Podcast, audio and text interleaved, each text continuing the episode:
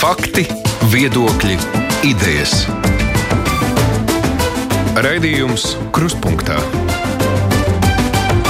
ar izpratni par būtisko.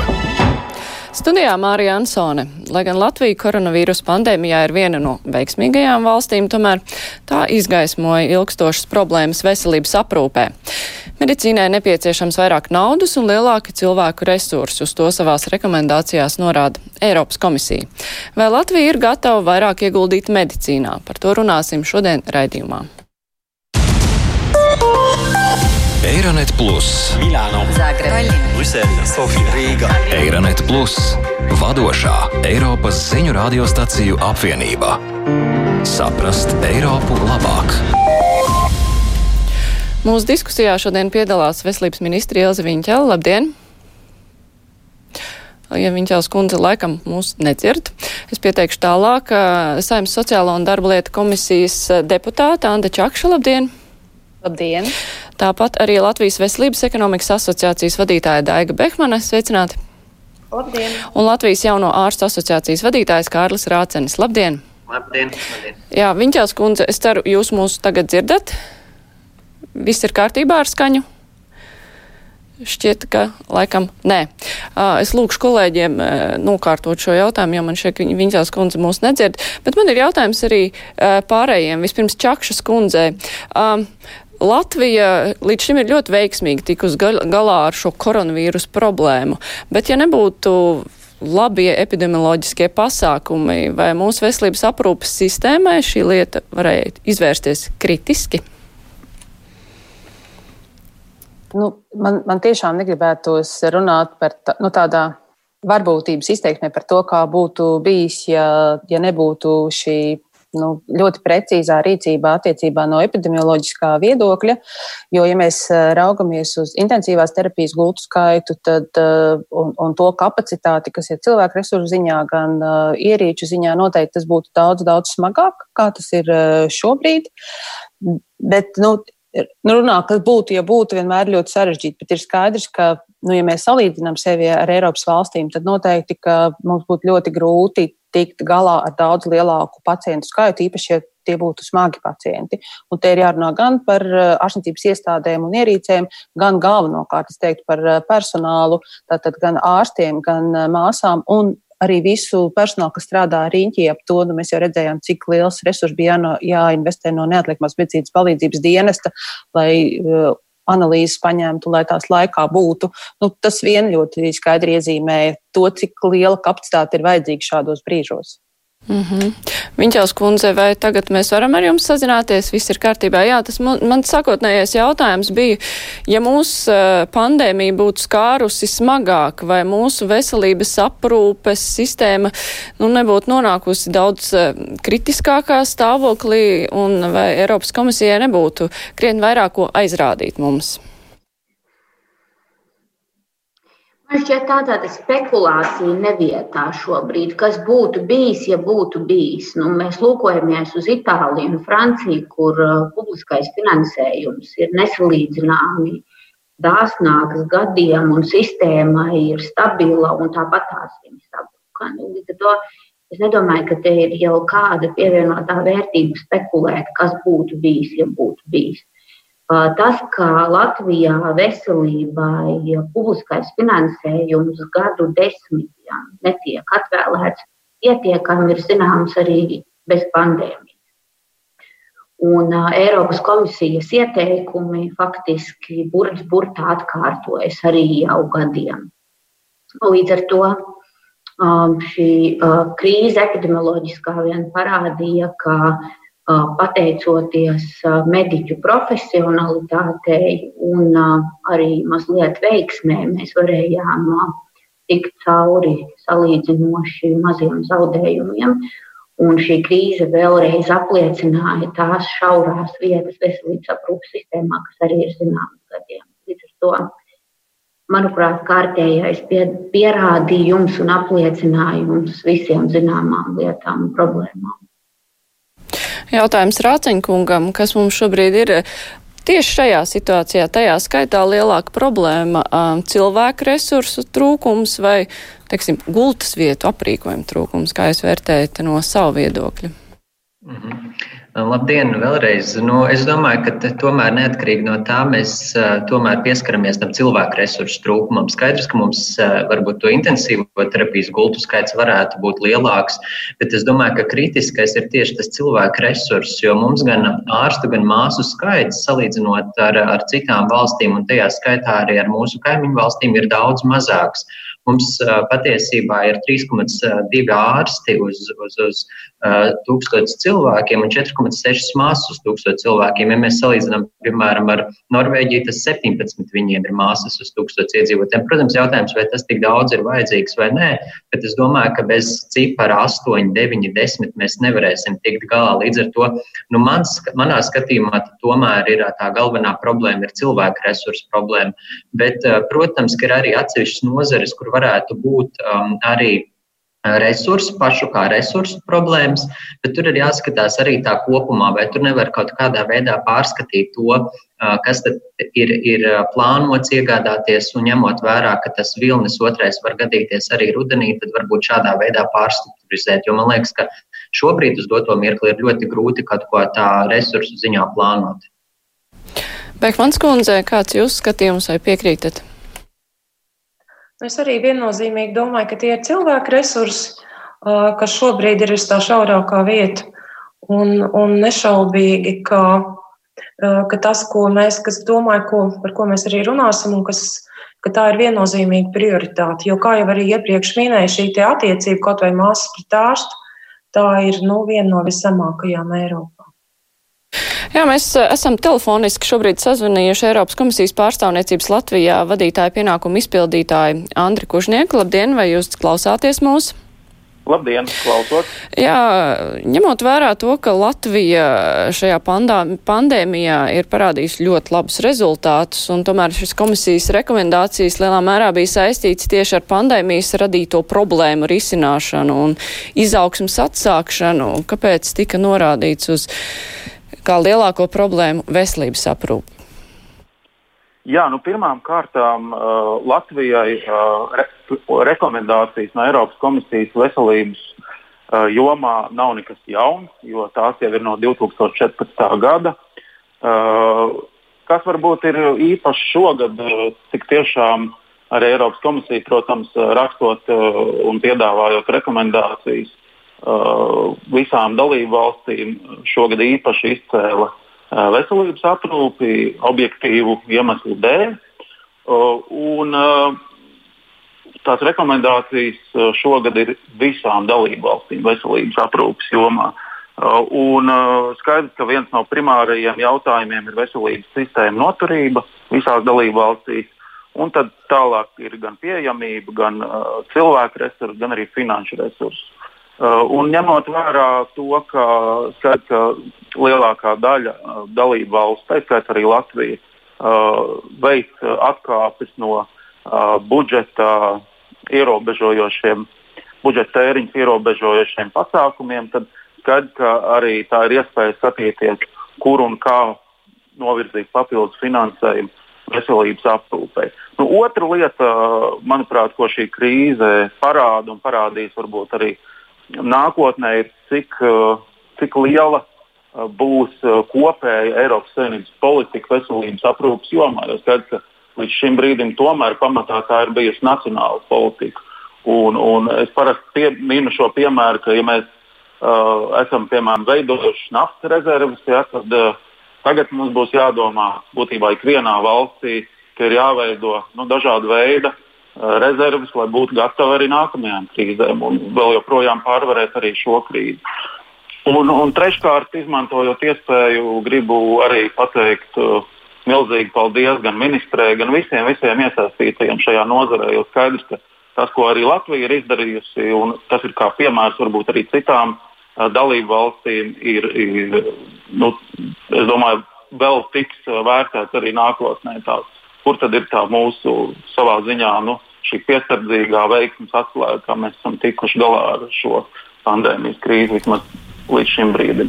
Bet jūs pieminējāt uh, kopīgo Eiropas Savienības politiku. Viena lieta ir kopīgi iepirkumi, vai varētu būt runa arī par uh, nu, kaut kādām kopīgām vadlīnijām, teiksim, runājot par veselības aprūpas darbinieku atalgošanu, ņemot vērā, ka darba spēks veselības aprūpē klīst no vienas valsts uz otras un, protams, ka plūst tur, kur vairāk maksā?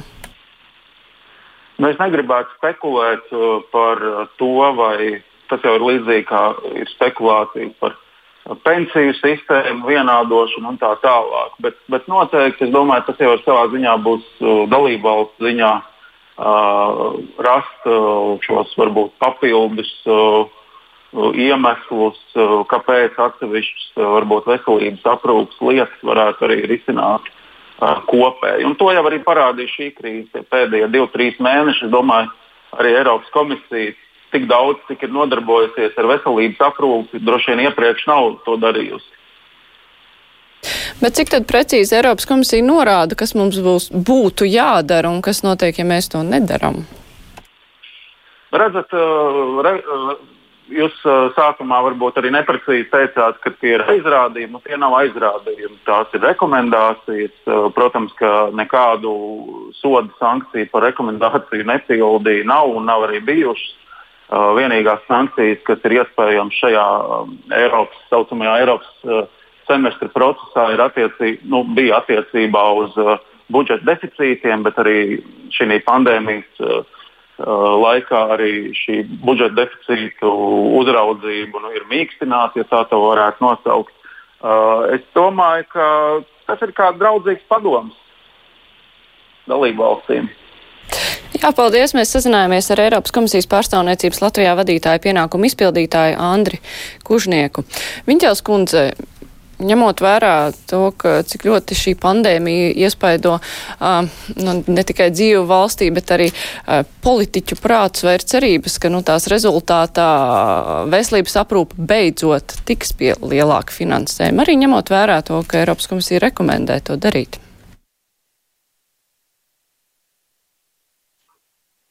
Nu, tam būtu tā jānotiek, bet uh, atkal uh, es neminēšu prognozes, jo ir virkne apsvērumu vai, vai apstākļu, kas, ir, kas, kas ietekmēs to finansējumu palielinājumu nākamgad.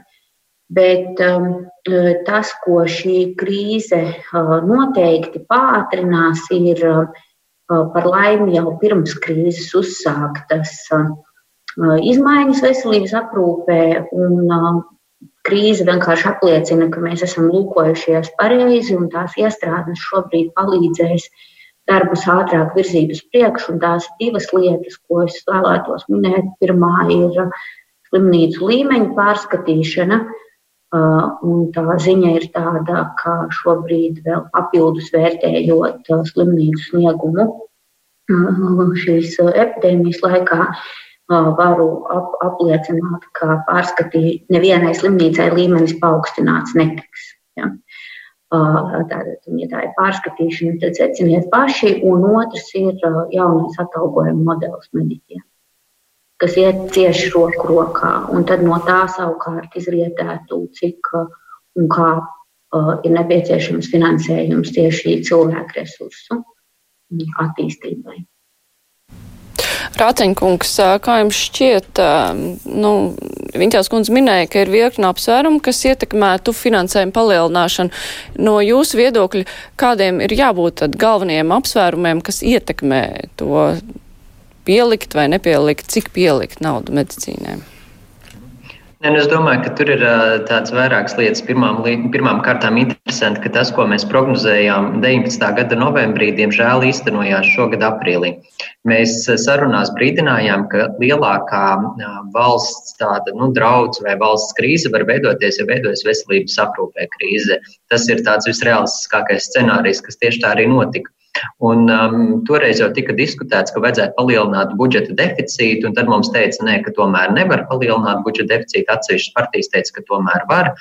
to neizdarīja, lai palielinātu medicīnas darbinieku atalgojumu. Šobrīd tad, nu, lūk, mēs esam sistēmā, nu, kur uh, visa Eiropas Savienības valsts palielinās budžeta deficītu, lai palielinātu budžetu veselības aprūpē. Tātad būtībā mēs varējām preventīvi, ņemot vērā to, tos soļus jau veikt, varbūt tās jau iepriekš novembrī, tad mums varbūt būtu labāks stāvoklis ar šo nu, medicīnas darbinieku uzticību sistēmai kopumā. Un tas, kas vēl interesanti, man liekas, ir, ka te ir varbūt ne tikai ļu, viss ir negatīvi, kā varbūt mēs esam paraduši uz to visu skatīties, ir arī kaut kādas pozitīvas iezīmes.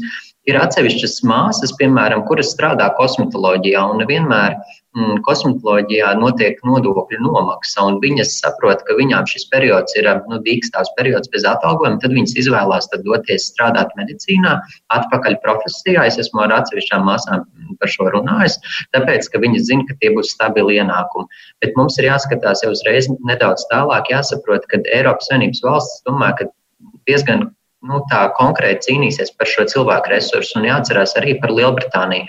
Tikko runājām ar Lielbritānijas jaunajiem ārstiem, kuri stāstīja, ka Lielbritānija aktīvi palielina rekrutēšanu medicīnas darbinieku, tāpēc, ka viņiem ir ne tikai šī veselības aprūpas um, situācija ar covid, bet viņiem ir arī Brexits. Līdz ar to viņi ir tādā nestabilitātes periodā. Nu, ņemot to visu vērā un zinot, kāds ir, nu, patiesībā mēs neko jaunu nediskutējam šodien. Mums ir tieši tie paši jautājumi, kur ir bijuši jau gadu gadiem, un Eiropas komisija to norādījusi atkārtot. Varbūt šite, šis ir brīdis, kad ir spilgtāk tas iz, izkristalizējies, bet jebkurā gadījumā mums ļoti ir jāpiedomā, mums ir jāizstrādā plāns, manuprāt, vismaz septiņiem līdz desmit gadiem, līdzīgi kā to darīja Igaunijā, kad bija 2008. gada finansiālā krīze, par to, kāds būs atalgojuma pieaugums, ņemot vērā arī jauno atalgojuma modeli, pie kā mēs esam strādājuši kopā ar Ministriju un valsts kontroli. Um, tuvākajos gados un kādus mērķus mēs gribam sasniegt un kā mēs to varam panākt. Kāds ir šis nu, mehānisms? Jo ierakstīts likumā mehānisms mūsu valstī nestrādā. Tad jautājums, kāds ir cits mehānisms?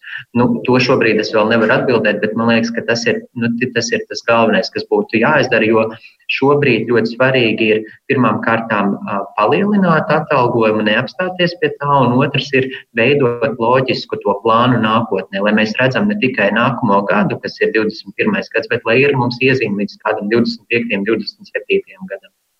Bekmans kundze, kā jums šķiet, vai nu, mums ir jāizmanto šobrīd tā iespēja, kad Eiropas Savienība skatās vaļīgāk uz uh, uh, budžeta deficīta ierobežojumiem un uh, nu, jāizšķiras uh, pieņemt lēmumu tieši par naudas novirzīšanu veselības aprūpes uh, darbinieku atalgošanai? Vai šis ir tas brīdis, kad par to vajadzētu domāt? Es domāju, ka eh, nu, tāda ierobežota finansējuma apstākļos prioritātes, protams, vienmēr ir svarīgas. Bet es domāju, ka nu, ilgspējīga veselības aprūpas sistēma nevarēs uzbūvēt uz aizņemtas naudas. Un tas, kas mums ir ļoti svarīgi, mums būtībā būtu pašiem jāsaprot, kā mēs to ilgspēju sistēmā radīsim. Un konkrēti tas ir finansēšanas mehānisms, tie ir līdzekļi, kurus mēs paši šeit uz vietas varam radīt.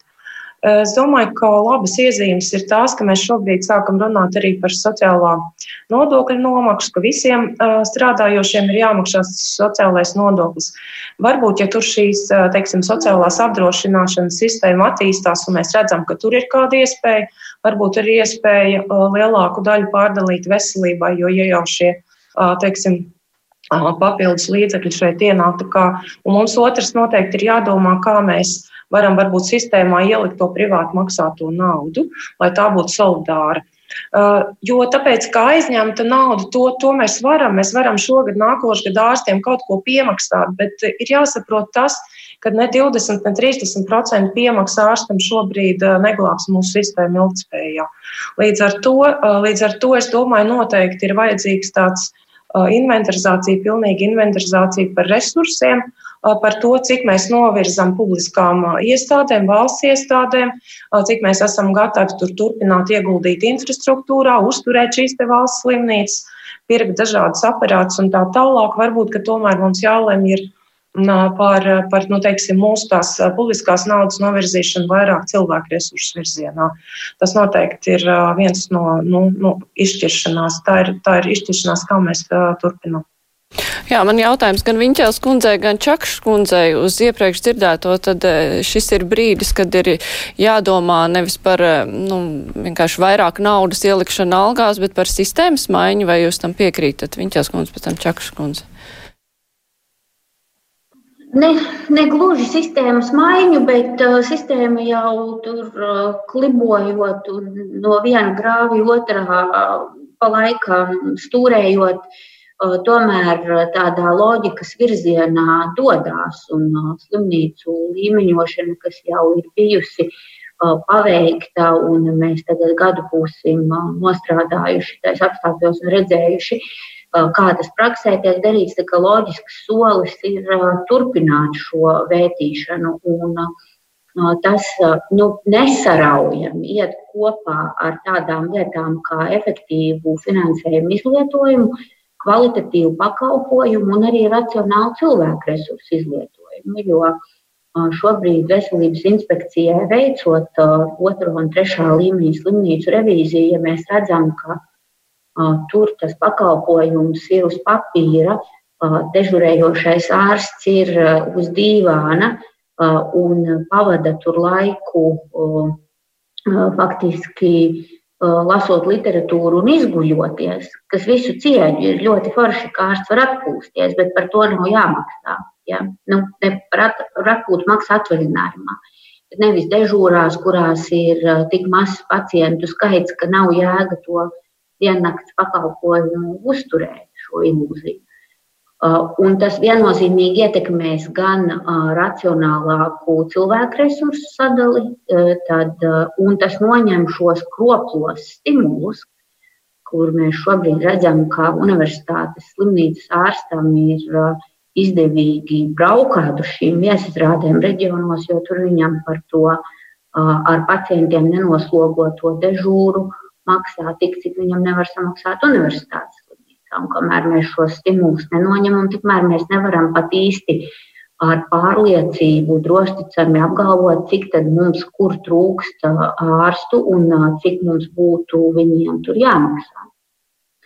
Līdz ar to tie plāni ir jau izvērsti konkrētās rīcībās. Mēs nākamnedēļ vai vēlākais aiznākamnedēļ ejam ar šo veselības eh, inspekcijas ziņojumu arī uz ministru kabinetu, un eh, vasara laika mums ir sagatavoties, lai šīs izmaiņas slimnīcu līmeņošanā veiktu. Un tam būs starojums gan uz atalgojumu, gan arī uz racionālāku cilvēku resursu izlietojumu. Čakas kundze. Nu, man liekas, ka nu, daļēji es varētu piekrist katram no iepriekšējiem runātājiem, runā, runātājiem, bet uh, es teiktu, ka pirmais noteikti svarīgākais būtu saprast, nu, kā ilgtermiņā, tiešām septiņu gadu līdz desmit gadu periodā, kas tas būs par finansējumu, kas nāks, nāks, nāks klāt veselības aprūpēji. Jo nu, mēs varam šodien runāt par algām, bet tas nav kopējais risinājums. Tiešām ir ļoti svarīgi, lai šī, šī naudas plūsma, kas veselības aprūpē tik ļoti pietrūkst, un uz ko mums norāda arī Eiropas komisija, ja mēs salīdzinām sevi ar citām Eiropas valstīm, tad eh, būtu svarīgi nu, uh, lai šī naudas plūsma ļoti precīzi, nu, ne, es nedomāju, varbūt līdz, uh, līdz eiro centam, bet tomēr būtu skaidrība, kādā mm. veidā tas pieaugs. Otrs, ja mēs uh, skatāmies šo pakalpojumu apjomu, tad noteikti es teiktu, ka ir svarīgi, ka mēs rūpējamies par pacientu, tātad par jebkuru cilvēku. Un, un šī kvalitāte līdz zināmam līmenim ir neatkarīga no tā, vai jūs dzīvojat Rīgā, Daugavpilī vai, es nezinu, Saldū. Un, man liekas, ka te viena ļoti svarīga lieta ir, ka zināmā mērā politiku nosaka veselības ministrija, pasakot, ka insulta aprūpei ir jābūt pieejamai konkrētās vietās, un tad tur arī šai kvalitātei ir jābūt nodrošinātai un jābūt ir speciālistiem. Kā to salāgot, lai nebūtu tā, ka mums ir reģionāla slimnīca, kur pēc būtības netiek šis pakalpojums sniegts, un lielai daļai iedzīvotāji, līdz ar to visam šim reģionam šī pakalpojuma pēc būtības nav. Līdz ar to Eh, nu, neaizmirst, ka tā veselības aprūpe ir eh, tādēļ, lai pacients eh, to varētu saņemt un domāt tiešām par pacientu. Un trešā lieta, man liekas, ka šī krīze ļoti labi parāda mums tās iespējas, kas nav līdz galam izmantotas, un viena no tām, teiksim, ir šīs attālinātās vizītes, jo daļa ambulatorā vizīšu arī šobrīd, un arī pirms krīzes, ir bijuši tādēļ, kad ir nepieciešams medikamentu pagarināšana vai kaut kāda īsa saruna ar ārstu, kur nav jābūt šai klātesamībai, bet kas tiešām aiz, ietaupītu laiku, zināmā mērā arī resursus abām pusēm. Un tas būtu vēl nu, tādi šie digitālie rīki noteikti, ka palīdzētu efektivizēt. Un ceturtais, noteikti, ka visi gaida šo jauno atalgojumu sistēmu, jo nenoliedzami tas ir motīvs, kāpēc jaunais cilvēks izvēlās doties studēt medicīnu. Un ir jāsaprot, ka šī, nu, smadzeņu pārpirkšana notiek visā Eiropā, un veselības aprūpe ir viena no tām sfērām, kur tas ir visizteiktāks. Ja? Mēs esam šajā ķēdē, diemžēl, lejas galā, tātad eh, vairāk donori kā saņēmēji, un mums ar to ir jārēķinās un jāsaprot, ar, kas būs tie mehānismi, kā mēs piesaistam cilvēkus sev. Un tomēr tā problēma, ko minēja Rāceņkungs, ka būs spiediens uz uh, cilvēku resursu pārvilināšanu starp dalību valstīm, nu vai tā neprasa uh, nu, kaut kādus steidzamākus risinājumus, tajā skaitā nākamā gada budžetā, jo tagad arī Francijā medmāsas pieprasa sev algas pielikumu, lai mazliet pietuvotos vācu un spāņu medmāsu algām. Tas nozīmē, ka visas valstis uh, izjūt šo te uh, spiedienu, ko var izdarīt ar algu palīdzību. Un mēs, uh, kuriem jau tā ir mazākais uh, māsu skaits salīdzinot arī ar kaimiņu valstīm, nerunājot nemaz par uh, valstīm tālāk, nu, vai mēs varam atļauties uh, gaidīt? Jautājums Viņķels kundzei.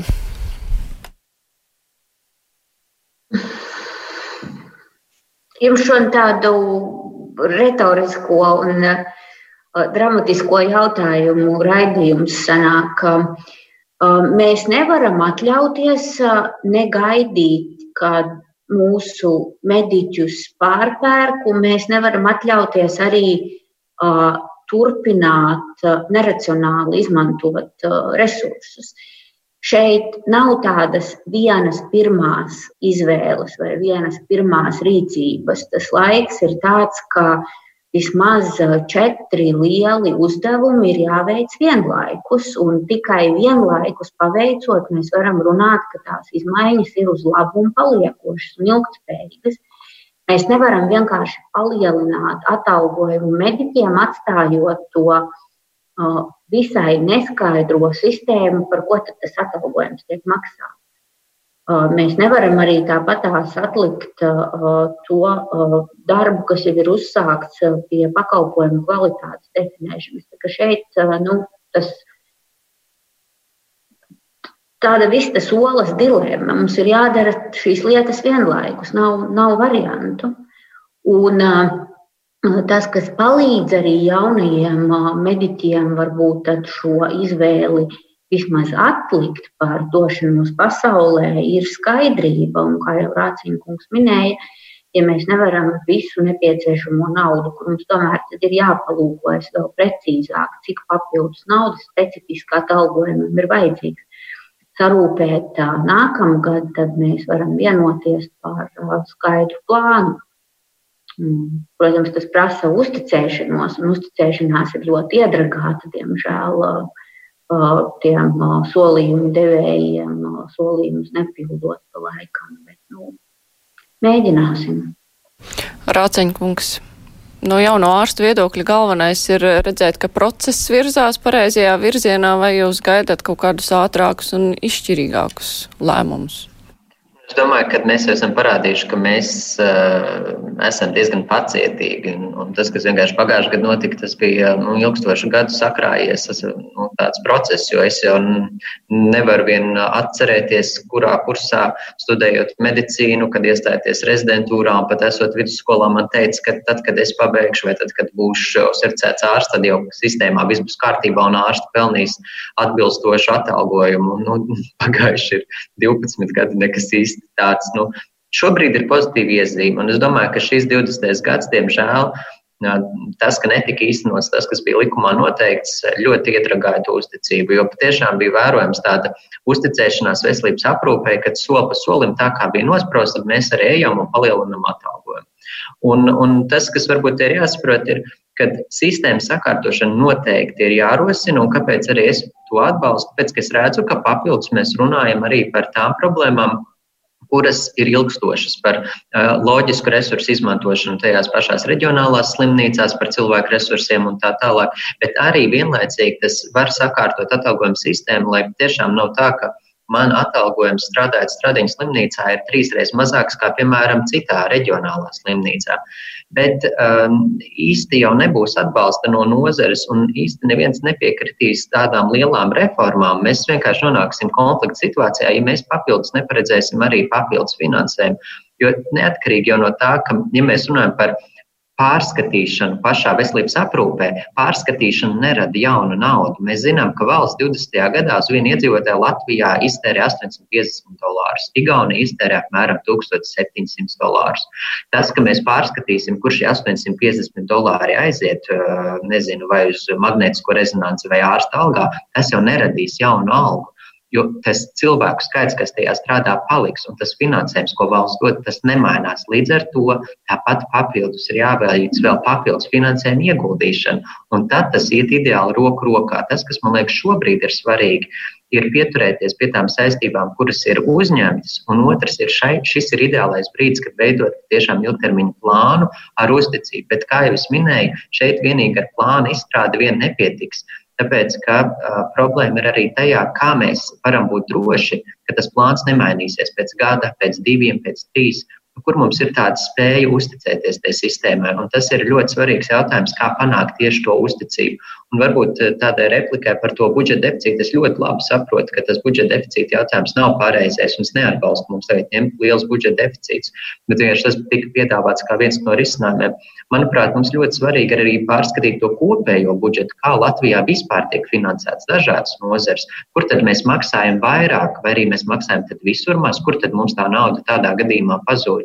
Kāda mums ir ierēdniecība, kā mēs um, iztērējam valsts sektorā finansējumu. Es domāju, ka šie arī ir tie jautājumi, kas būtu jāskatās vienā kontekstā, ja mēs runājam par finanšu nu, tādu pārdalīšanu. Un otrs arī, es domāju, ka mēs pienāksim pie tā punkta, ko jau šeit klātsošie minēja par, par to finansējumu rašanu, vai no kurienes tad nāks tā nauda, vai tā ir nodokļu politikas pārmaiņa, vai tā būs apdrošināšanas sistēma, no kurienes tad mēs varam papildus radīt finansējumu, kur ieguldīt veselības aprūpē, ja mums nav naudas. Jā, es atgādināšu klausītājiem un Latvijas televīzijas skatītājiem, ka šodien mūsu diskusijā piedalās veselības ministra Ilza Viņķelsaimas, sociālo un darba lietas komisijas deputāta Anda Čakša, Latvijas veselības ekonomikas asociācijas vadītāja Daiga Behmana un Latvijas jauno ārstu asociācijas vadītājs Kārlis Rācenis. Raidījums Krustpunktā. Jā, vēl mazliet nepievēršoties sistēmas maiņai, kas tika jau pieminēta. Bērnu Kliniskās universitātes slimnīcas padomas priekšsēdētāja aicināja ieguldīt slimnīcās, jo tās konkrēti lielās slimnīcas iznes lielāko pandēmijas slogu. Vai šis pandēmijas laiks um, nu, parāda, ka mums ir jāliek lielāks uzsvars uz lielajām slimnīcām un ko vispār nozīmē ieguldīt vairāk lielajās slimnīcās, Behmans kundze? Es domāju, ka šeit tieši parādās šo daudzo spēlētāju mm, pretējās intereses. Es teiktu tā, ka principā Latvija jau šobrīd, ja mēs paskatāmies, ir diezgan tāda atzīta kā slimnīcu valsts, jo jo pietiekami daudz uh, pacientu tiek stacionēti. Uh, tiek stacionēti pacienti ar tādām slimībām, ar kuras, kuras ir jāārstē ambulatori, piemēram, kroniskas slimības, kā piemēram esenciāla hipertenzija, ar ko vispār ārzemēs nestacionē cilvēkus. Ja? Tā kā būtībā šeit, jā, nu, iespējams, ka te ir domāts uh, vispār pārvērtēt slimnīcu lomu kā tādu, vienlaicīgi slimnīcai nodrošinot arī ambulatoros pakalpojumus, nodrošinot dienas stacionāru. Jo tas, kas mums ir ļoti svarīgi saprast, ka mūsu pakalpojumi uh, joprojām ir ļoti fragmentēti un sadalīti. Tas, kas ir pacientam vajadzīgs, viņam ir vajadzīga integrēta aprūpe, uh, kas viņam uh, savieto pakalpojumus primārā aprūpē, sekundārā aprūpē un pēc tam slimnīcā tikai tad, ja tas ir nepieciešams. Protams, ka slimnīca var vēlēties labāku in infrastruktūru, labākas tehnoloģijas, bet es absolūti tomēr pret šo virzību uz primāro aprūpu un ambulatoru. Un es domāju, ka ir ļoti labi uzsākta iniciatīva par slimnīcu tīkliem, par sadarbību, par dažādu līmeņu slimnīcu sadarbību. Ir laba iniciatīva, kur primārai aprūpē, sekundārai un terciārai būtu jāsadarbojas vairāk. Un es domāju, ka tieši mums tajā virzienā ir jāskatās. Jo tas, ko parādīja arī šis Covid, ka ne jau visi cilvēki, visi, bija, kas bija slimi, gulēja slimnīcās. Un tā jau ir tā, tieši tā, tā virzība un tā tendence, lai pacienti pēc iespējas vairāk ārstētu ambulatoru. Viņķās kundze, piekrītat? ka ir jārunā par to, lai sakārtot slimnīcu darbu, nevis lai liktu naudu vairāk iekšā atsevišķās slimnīcās. Ja mēs lūkojamies epidemioloģiskās drošības kontekstā, kas šobrīd ir aktuāli, tad atsaucoties uz mūsu galveno valsts infekciologu Ugu Dumpi, labākā prevence ir ne vairāk kā divi cilvēki palātā ar savu sanitāro mezglu. Palūkojamies, cik daudzās slimnīcās mums ir šādas iespējas, arī universitāšu slimnīcās. Līdz ar to, ja mēs lūkojamies uz iespējamām infekciju atkal uzliesmojumiem, tad infrastruktūras uzlabošana iegūst citu pilnīgi kontekstu. Tas nozīmē, kā un cik daudz pacientus mēs izvietojam nodaļās un cik viņi ir iespējami ar saviem sanitāriem mezgliem turēties epidēmiju laikā nost vai kaut vai māsu atpūtas vai iespējas mediķiem uh, ieturēt maltīti. Tur sākās daudz jau tādas sadzīviskākas lietas. Arī, arī šie ieguldījumi ir nepieciešami. Piekrītu tam, ka slimnīcas koncepts šobrīd ļoti mainās. Tā vairs nav vieta, kur atbrauc no uh, attālākām vietām un uz divām, trim nedēļām pavadīt laiku. Slimnīca kļūst arī vairs ne fiziska, bet digitāla. Bērnu slimnīca ir sākusi šo ceļu.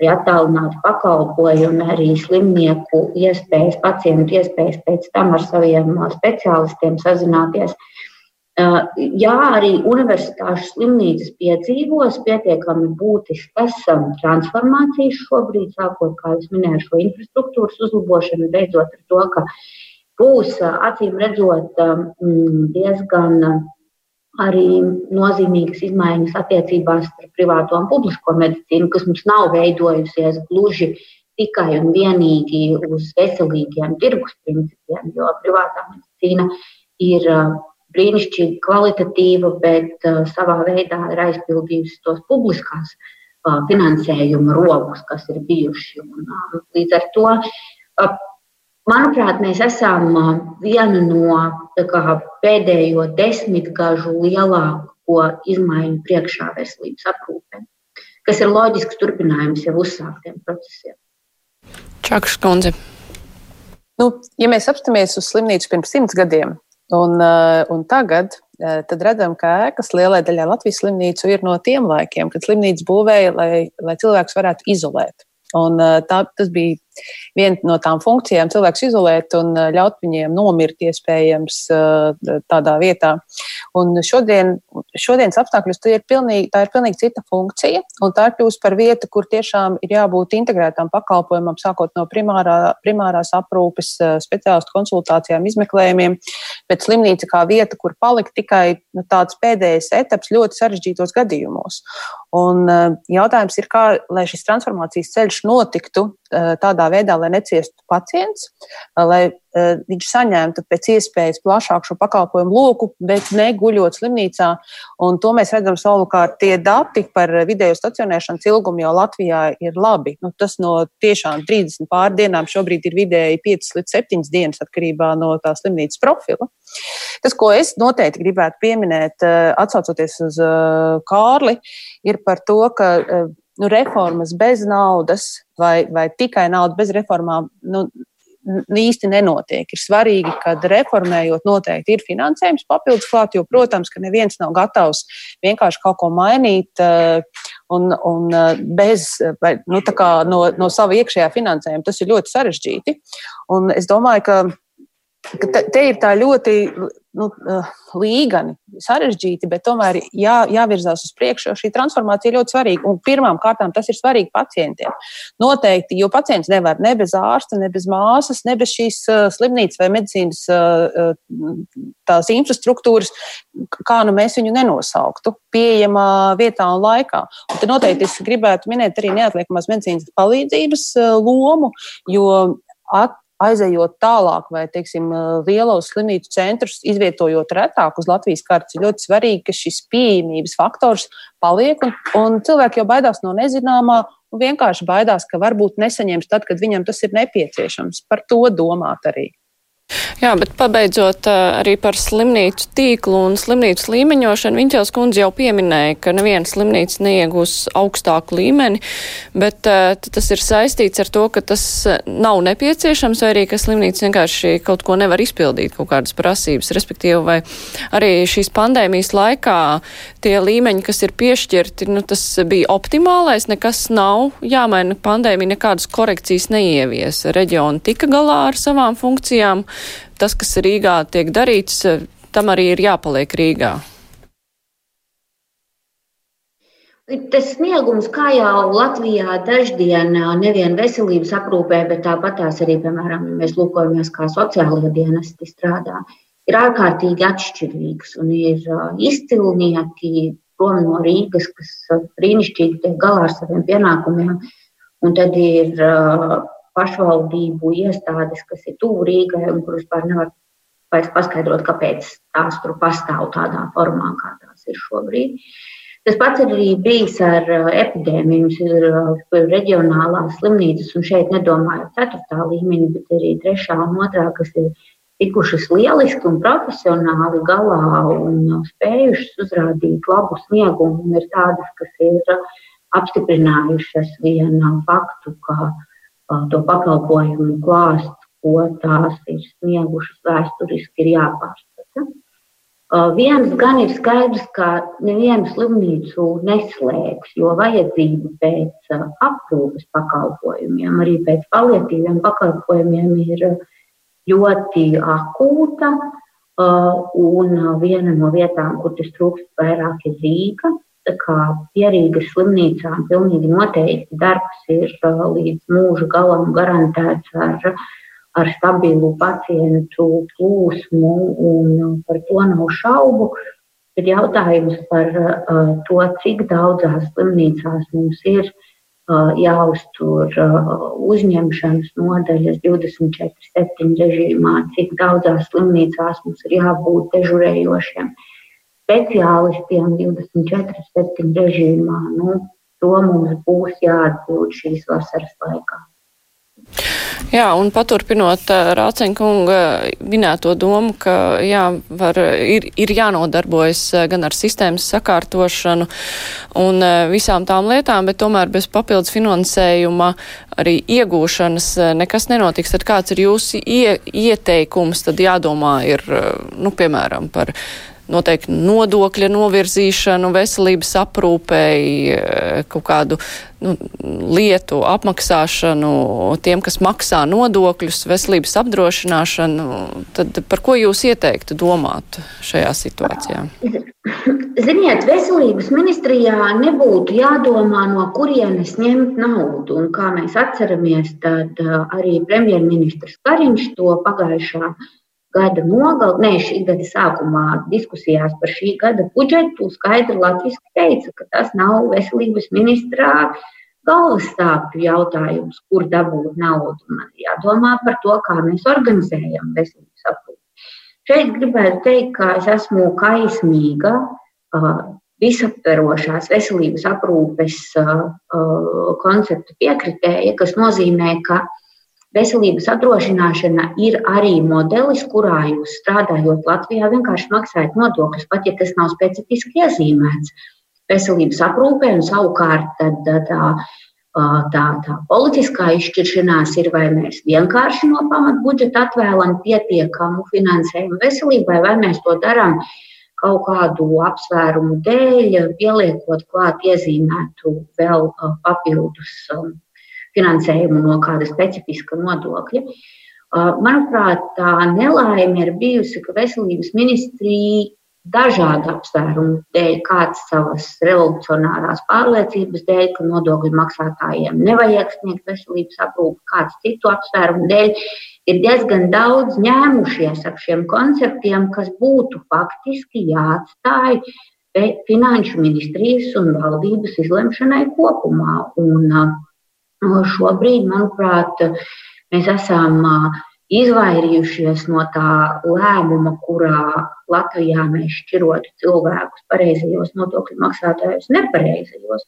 Un esam koncentrējušies vairāk tomēr uz sistēmas kārtošanu kopumā, kurā pamatvērtība un princips ir tāds, ka veselības aprūpe ir cilvēktiesības, kuras ir jābūt pieejamā, labā kvalitātē un noteiktā apjomā katram Latvijas iedzīvotājam. Līdz ar to, jā, ja tas ir papildus finansējums no iezīmētas sadaļas sociālās apdrošināšanas iemaksās, un tas neatstāja neaizsargātas Latvijas iedzīvotāju grupas pie dažādiem nodokļu režīmiem bez veselības aprūpes, lai būtu, ja tas ir finansējums no pamatbudžeta, lai būtu, manuprāt, tas ir, kā jau es minēju, tam nebūtu jābūt primārajam veselības ministrijas rūpju jautājumam. Tieši tā tehnika, kādā uh, piešķir naudu. Mm -hmm. Rācinkungs, jums ir komentārs? Ne, nu, grūti jau kaut ko iebilst ministrē šādā skatījumā.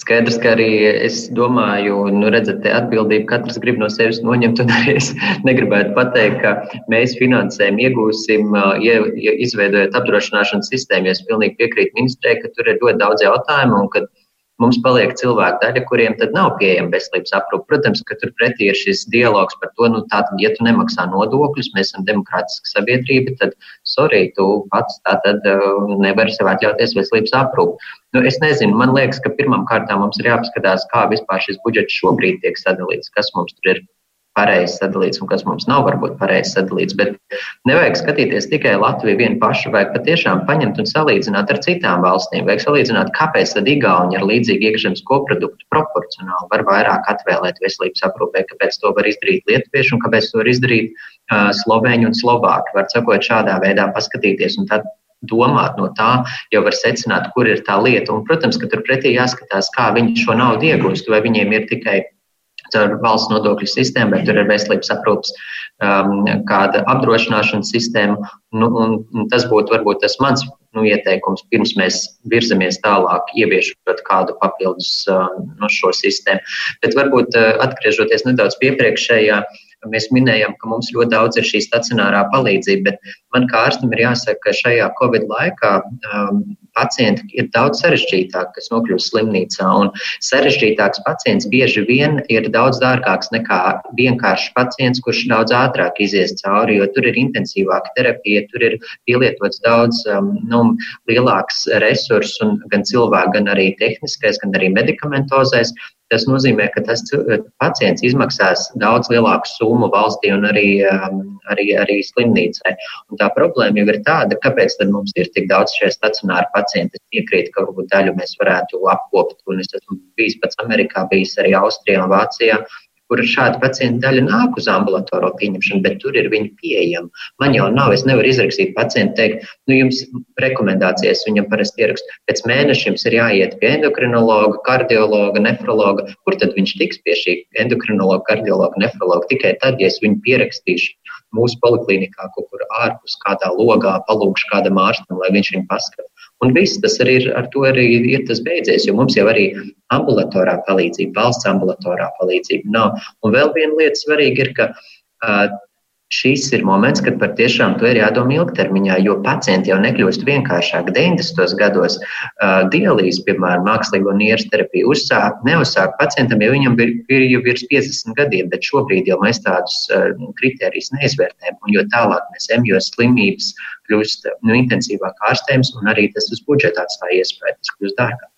Mm -hmm. Mums ir pāris minūtes tikai palikušas. Bekmans kundze, jums ir kāda piebilde par uh, sistēmas maiņu?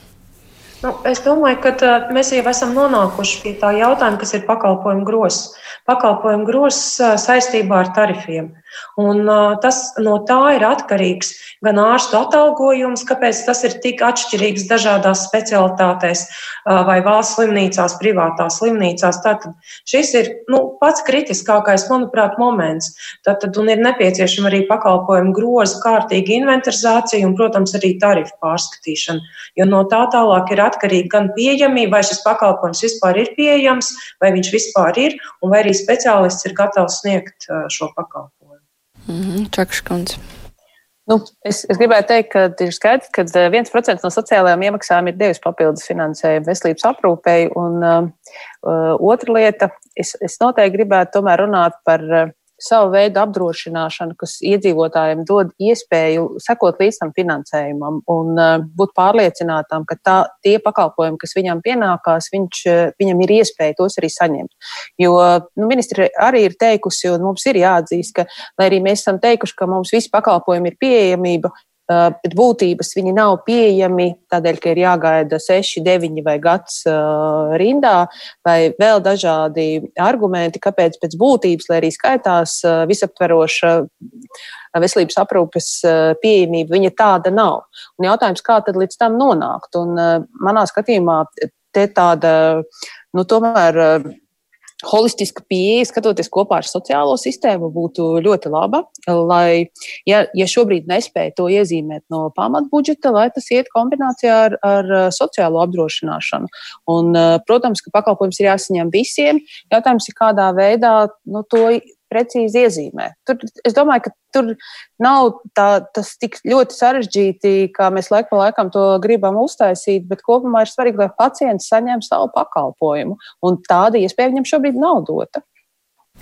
Jā, nu, mums diskusija atvēlētais laiks e, beidzas. E, tas, ko es sadzirdēju šajā sarunā, ir, e, ka, nu, acīm redzot, pandēmija nebūs tas iemesls, kāpēc tagad panikā kāds metīsies piešķirt ļoti daudz naudas veselības aprūpē. Vienkārši turpināsies ministrijas aizsāktās reformas, slimnīcu tīkla sakārtošana un citas lietas, bet tomēr par finansēšanas jautājumiem acīm redzot kāda nopietna diskusija vēl būs priekšā. Savukārt par to, kas tika minēts, kur atrast vairāk naudas medicīnai, ka par to ir jādomā acīm redzot, finanšu ministrijai, varbūt arī visai valdībai kopumā, tad kā ar to veiksies, mums būs iespēja rīt pavaicāt uh, premjeram Krišānim Kariņam, kurš savukārt būs uz iztaujāšanu mūsu raidījumā. Es saku paldies. Diskusijā piedalījās veselības ministri Ilze Viņķele, uh, Saimnes sociālo un darbu lietu komisijas deputāte Anda Čakša. Latvijas veselības ekonomikas asociācijas vadītāja Daiga Behmana un Latvijas jauno ārstu asociācijas vadītājs Kārlis Rācenis. Kā jau minēju, rīt kruspunktā būs eh, premjeras Krišāns Kariņš. Mēs viņu iztaujāsim kopā ar žurnālistiem. Būs iespēja savus jautājumus uzdot arī klausītājiem. Nu, protams, mēs runāsim ne jau tikai par eh, veselības aprūpi, sāksim ar, gan ar ārkārtējā stāvokļa izbeigšanu, saskarsmes ierobežojumiem, atbalstiem uzņēmējiem un visām lietām, kas ir šobrīd aktuālas saistībā ar uh, pandēmiju un pandēmijas laiku un arī to, kā mēs dzīvosim tālāk. Rēdījums ar to arī skan, to producēja Evi Junāma, studijā bija Mārija Ansona. Visu labu, mēs tiksimies arī rīt. Eironet Plus, Milāno, Zagreb, Brisele, Sofija, Rīga. Eironet Plus, vadošā Eiropas ziņu radiostaciju apvienība. Saprast Eiropu labāk. Fakti, viedokļi, idejas. Raidījums Kruspunkta ar izpratni par būtisko.